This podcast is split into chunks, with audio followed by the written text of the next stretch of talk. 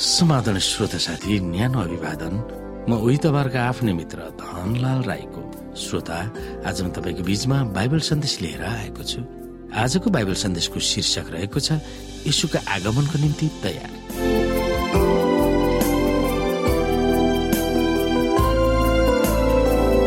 श्रोता नयाँ नयाँ मानवीय चाहना र उत्तेजनाले ल्याउने क्रियाकलापमा डुबेको संसारमा हामी छौँ। मनलाई भुलाउने अनेकौं कृत्रिम चाहनाहरूतिर मानिस दौडिरहेको छ। त्यसले गर्दा मानिसहरूको मन ठिकतिर भन्दा अर्कै मन बहलाउनेतिर धकिलिरहेको छ। यदि हामी होसियार भएनौँ भने तिनीहरूले हाम्रो समयलाई चपाइदिन्छ र हाम्रो प्राथमिकतालाई भत्काइदिन्छ।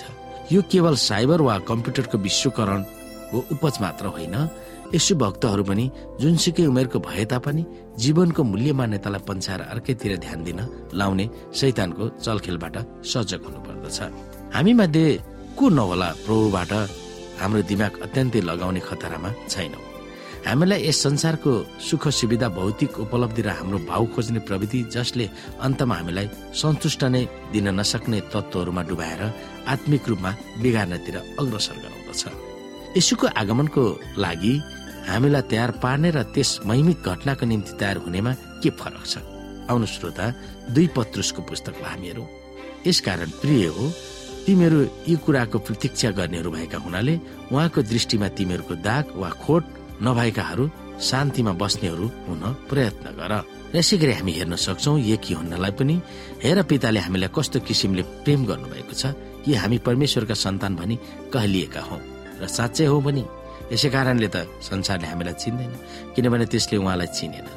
प्रिय हो अहिले हामी परमेश्वरका सन्तान हौ र हामी के को हौला र हामी के हौला सो अहिलेसम्म प्रकट भएको छैन।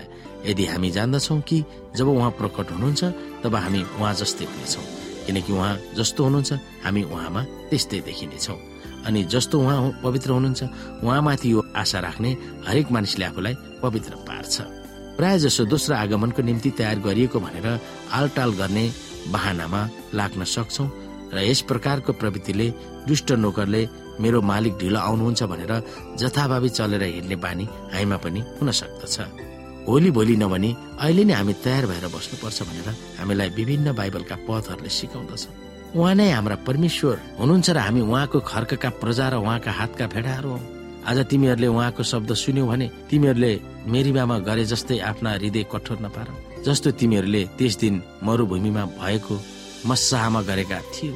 यसकारण पवित्र आत्मा भन्नुहुन्छ आज तिमीहरूले उहाँको शब्द सुन्यौ भने उजाड स्थानमा परीक्षाको समयमा विद्रोहका दिनमा गरे जस्तै आफ्ना हृदयलाई कठोर नपार।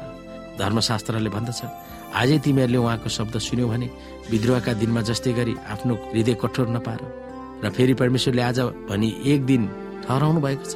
जब उहाँले धेरै समयपछि दाउदद्वारा अघि भनेकी कुरा फेरि भन्नुभयो आज तिमीहरूले उहाँको शब्द सुन्यो भने तिमीहरूका हृदय कठोर नपार बाइबलको दृष्टिकोणमा मुक्तिको समय जहिले पनि आज नै हो कहिले पनि भोलि होइन भने।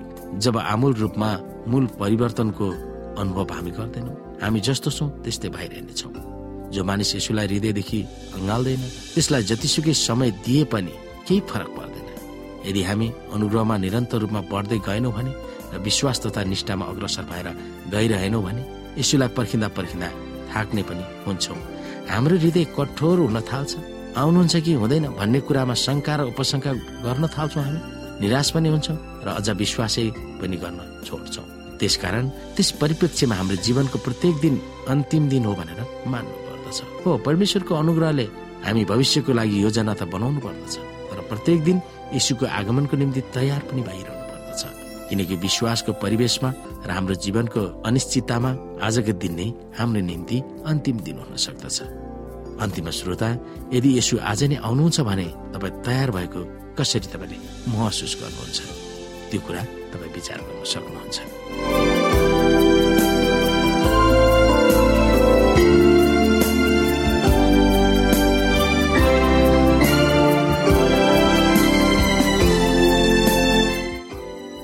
साथी। आजको लागि बाइबल सन्देश यति नै। हस्त नमस्ते। जय मसिंह।